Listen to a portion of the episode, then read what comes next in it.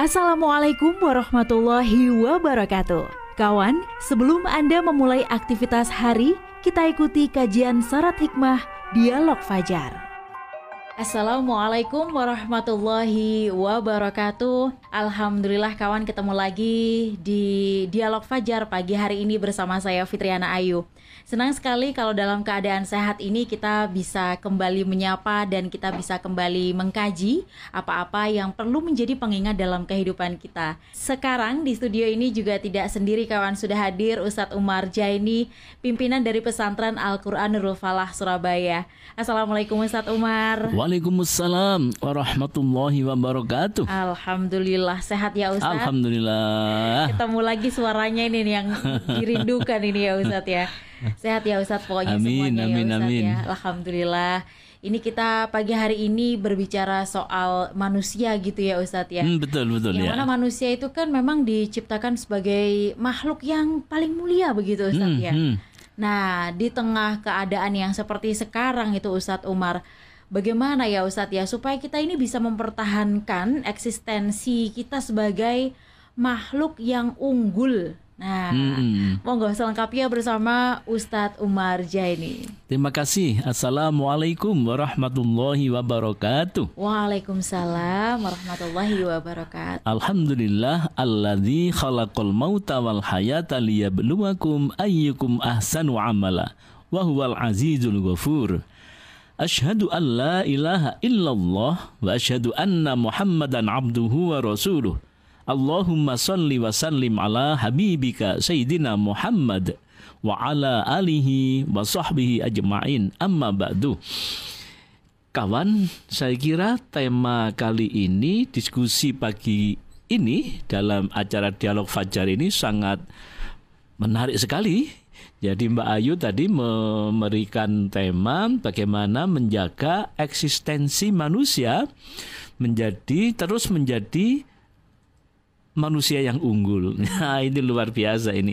Jadi memang penting sekali kawan bahwa kita untuk harus terus-menerus menjaga keberadaan kita ini sebagai manusia yang oleh Allah diciptakan di antara makhluk-makhluk yang lain.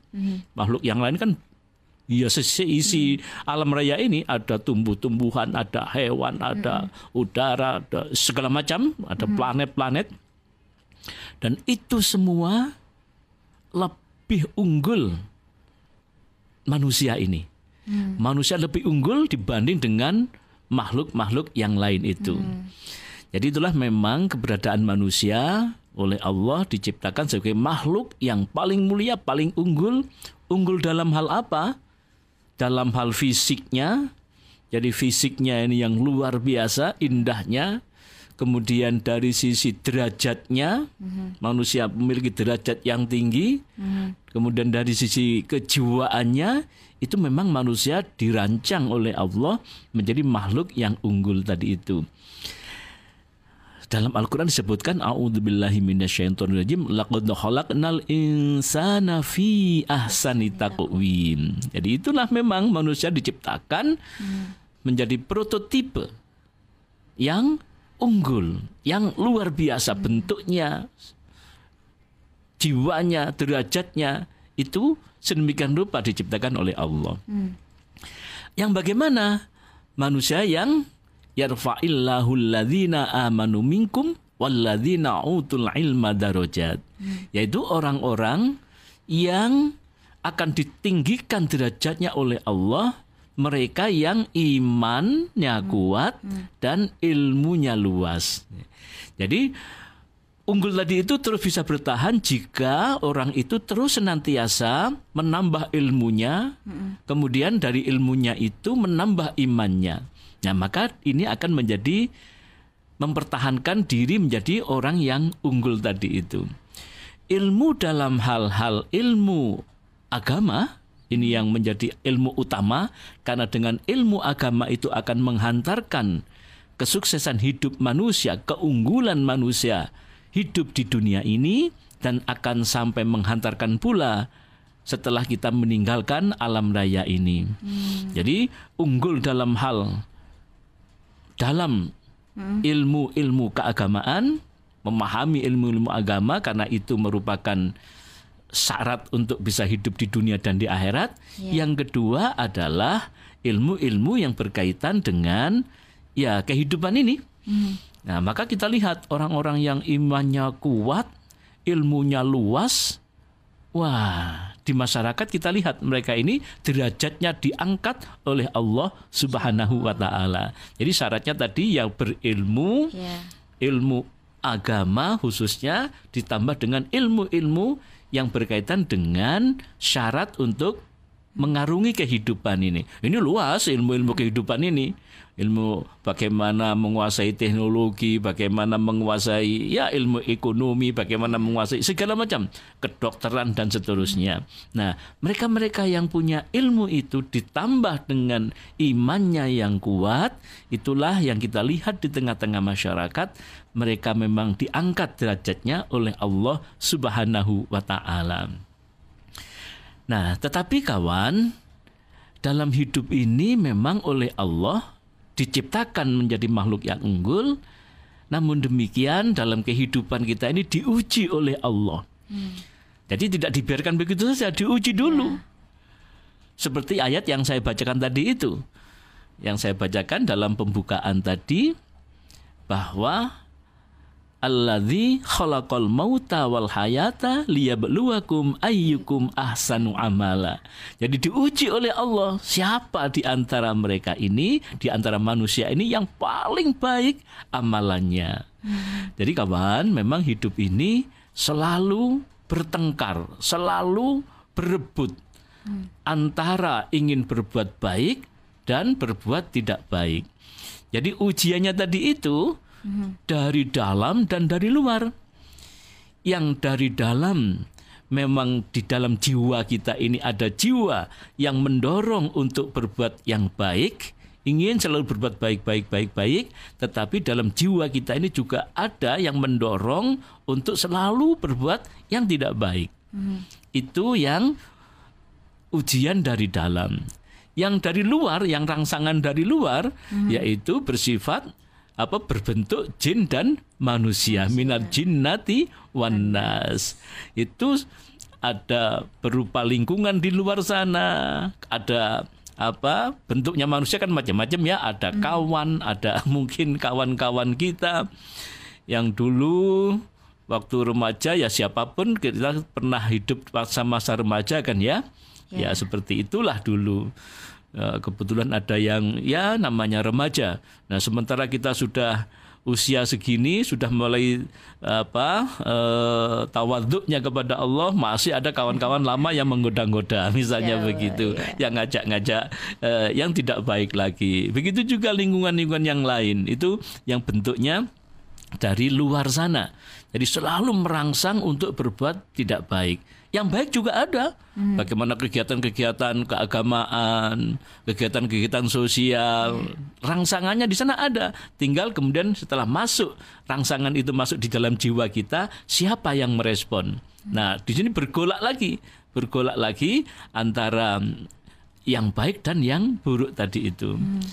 Maka kawan, jadi ada kisah Mbak Ayu. Ini kisah ya, namanya kisah bukan dari hadis sesungguhnya, Ya. tapi ada hikmah yang bisa kita ambil. Jadi ada seorang kakek itu cerita kepada cucunya, wahai cucuku, ada dua ekor singa yang kerjanya itu bertarung terus, bertarung setiap hari tarung, tarung, tarung, tarung. Lalu si cucu tadi bertanya, ya kek, terus yang menang yang mana kek? Yang menang yang sering engkau kasih makan. Nah katanya begitu, yang sering kau kasih makan. Nah ini sebuah perumpamaan, sebuah menggambarkan dalam jiwa kita itu ada apa nafsu yang terus ber tengkar terus bergejolak terus ber apa bertarung Menggoda antara kita ya, menggoda antara keinginan-keinginan berbuat baik dan keinginan-keinginan yang tidak berbuat yang tidak baik. Mana yang menang? Yang menang adalah kalau menjadi contoh tadi itu yang sering kau kasih makan. Nah, contohnya gimana contohnya? Misalnya kita sudah niat malam-malam pingin mau tidur, pingin sholat malam. Udah niat ya. dan Iya. niat begitu malam alhamdulillah betul-betul jam 3 itu dibangunkan oleh Allah bangun. Nah setelah bangun kemudian nah singanya tadi itu bertengkar Ah, waduh, ini masih capek lah. Jangan dulu, Ah, jangan dulu. Nanti sebentar lagi, sebentar lagi, sebentar Iya. lagi. Akhirnya sampailah kemudian azan subuh gitu kan. Setelah azan subuh masih ini lagi. Akhirnya di sholatnya jamaahnya terlambat. Nah, kira-kira begitu. Nah, kalau itu yang terjadi maka gambarannya tadi yang menang adalah yang kau kasih makan. Berarti karena kita menuruti yang ketidakbaikan tadi itu, maka itulah yang menang. Tapi sebaliknya, misalnya ketika kita sudah tet jam 3 kok bangun, langsung bergegas ke kamar kecil, mengambil air wudhu, menyiapkan sholat, kemudian sholat tahajud, langsung sampai sholat eh, apa namanya sunnah-sunnah di masjid. Nah, maka berarti kita mengasih makan yang kebaikan tadi itu singa yang baik tadi itu maka dia menang gitu kan menang jadi kawan dalam hidup ini selalu begitu maka ini kiasan atau apa cerita yang bisa kita ambil hikmahnya dalam setiap hari maka ketika kita ingin sodako kok kemudian diganggu dalam jiwa kita. Oh jangan dulu, jangan dulu, jangan dulu. Nah berarti kita kalau sampai terus menerus akan memberikan makan kepada singa yang mengajak ketidakbaikan. ya. Artinya akan mengajak nafsu yang menuruti nafsu yang tidak baik. Nah itu terus menerus kita bergejolak di situ. Nah apalagi kalau sampai berbuat yang menjatuhkan derajat manusia, sampai-sampai kemudian berbuat yang tidak baik, berbuat melanggar hukum. Nah itulah yang kemudian kata Allah bagaikan binatang dan bahkan lebih dari itu. Kal an'am balhum adol. Jadi manusia itu koyok kata seperti binatang. Tapi sesungguhnya lebih dari itu jika manusia itu eh, melampaui batas. Nah, maka kawan ada eh, apa ahli ahli fikir ya itu anu Mbak Ayu apa namanya mengelompokkan manusia mengelompokkan manusia menjadi beberapa kelompok dengan eh, menganalogkan hukum-hukum yang ada dalam Islam. Jadi ada manusia wajib, ada manusia sunnah, ada manusia mubah, Makruh. ada manusia mabruh, mak makruh ya, Makruh. dan ada manusia haram. Allah. Nah, gimana ini? Nah, mari kita coba supaya kita terus bertahan menjadi orang-orang yang baik. Manusia wajib. Manusia wajib itu adalah orang yang kehadirannya sangat diperlukan.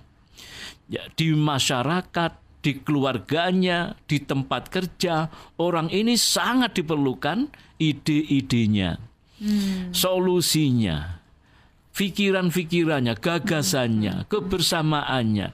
Kalau orang ini datang, persoalan beres gitu kan, kira-kira begitu.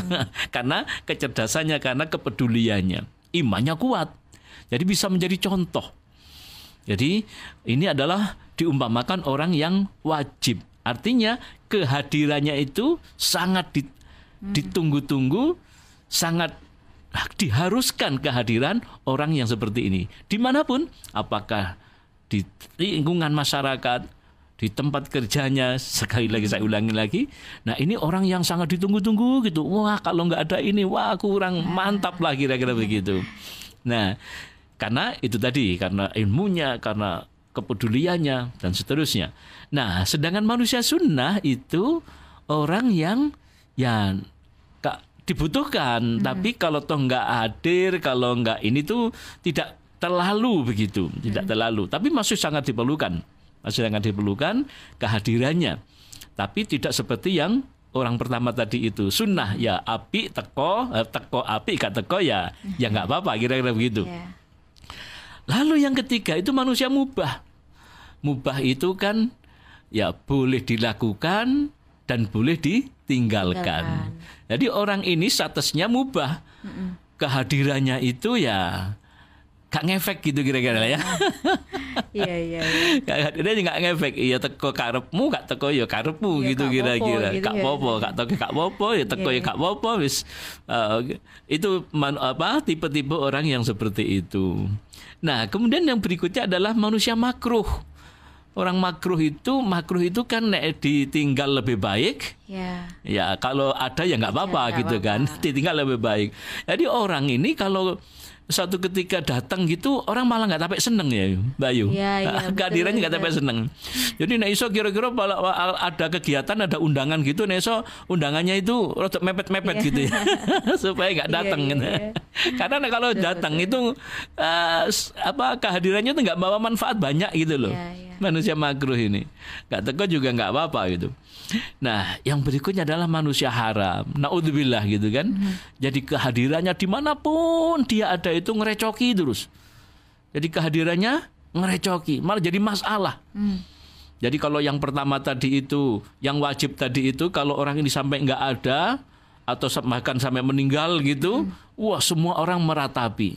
Ya Allah kebaikannya kan meratapi. Tapi yang ketiga yang kelima ini meninggal. Uh, kon kapok kon.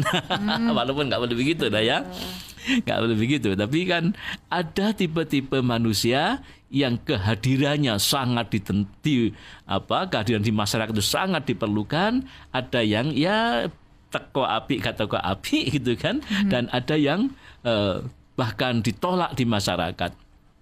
Nah kawan bagaimana kita agar bisa eksis terus menerus berusaha menjadi hamba-hamba menjadi manusia manusia yang wajib di mana kehadiran kita itu sangat diperlukan di tengah-tengah masyarakat yang dengan begitu insya Allah kita kelak akan berada bersama-sama hamba-hamba Allah, kekasih-kekasih Allah. Itulah yang sudah dicontohkan oleh para ulama-ulama kita, para kiai kita yang kehidupannya di masyarakat sangat diperlukan. Tokoh-tokoh umat, tokoh-tokoh masyarakat yang kehadirannya sangat ditentukan, sangat dibutuhkan oleh masyarakat dengan keimanan yang kokoh. Masya Allah. Demikian juga kawan dialog Fajar pagi hari ini. Saya Fitriana Ayu dan juga Ustadz Umar Jaini pamit. Wassalamualaikum warahmatullahi wabarakatuh. Program Dialog Fajar yang baru Anda simak kerjasama Suara Surabaya dan Pesantren Al-Quran Nurul Falah Surabaya, lembaga dakwah yang amanah, profesional, dan berbasis Al-Quran. Pesantren Nurul Falah mencetak guru-guru Al-Quran dengan metode tilawati dan tafidz Al-Quran. Informasi dan pemberian donasi hubungi 031 828 1278 atau nurulfalah.org. Wassalamualaikum warahmatullahi wabarakatuh.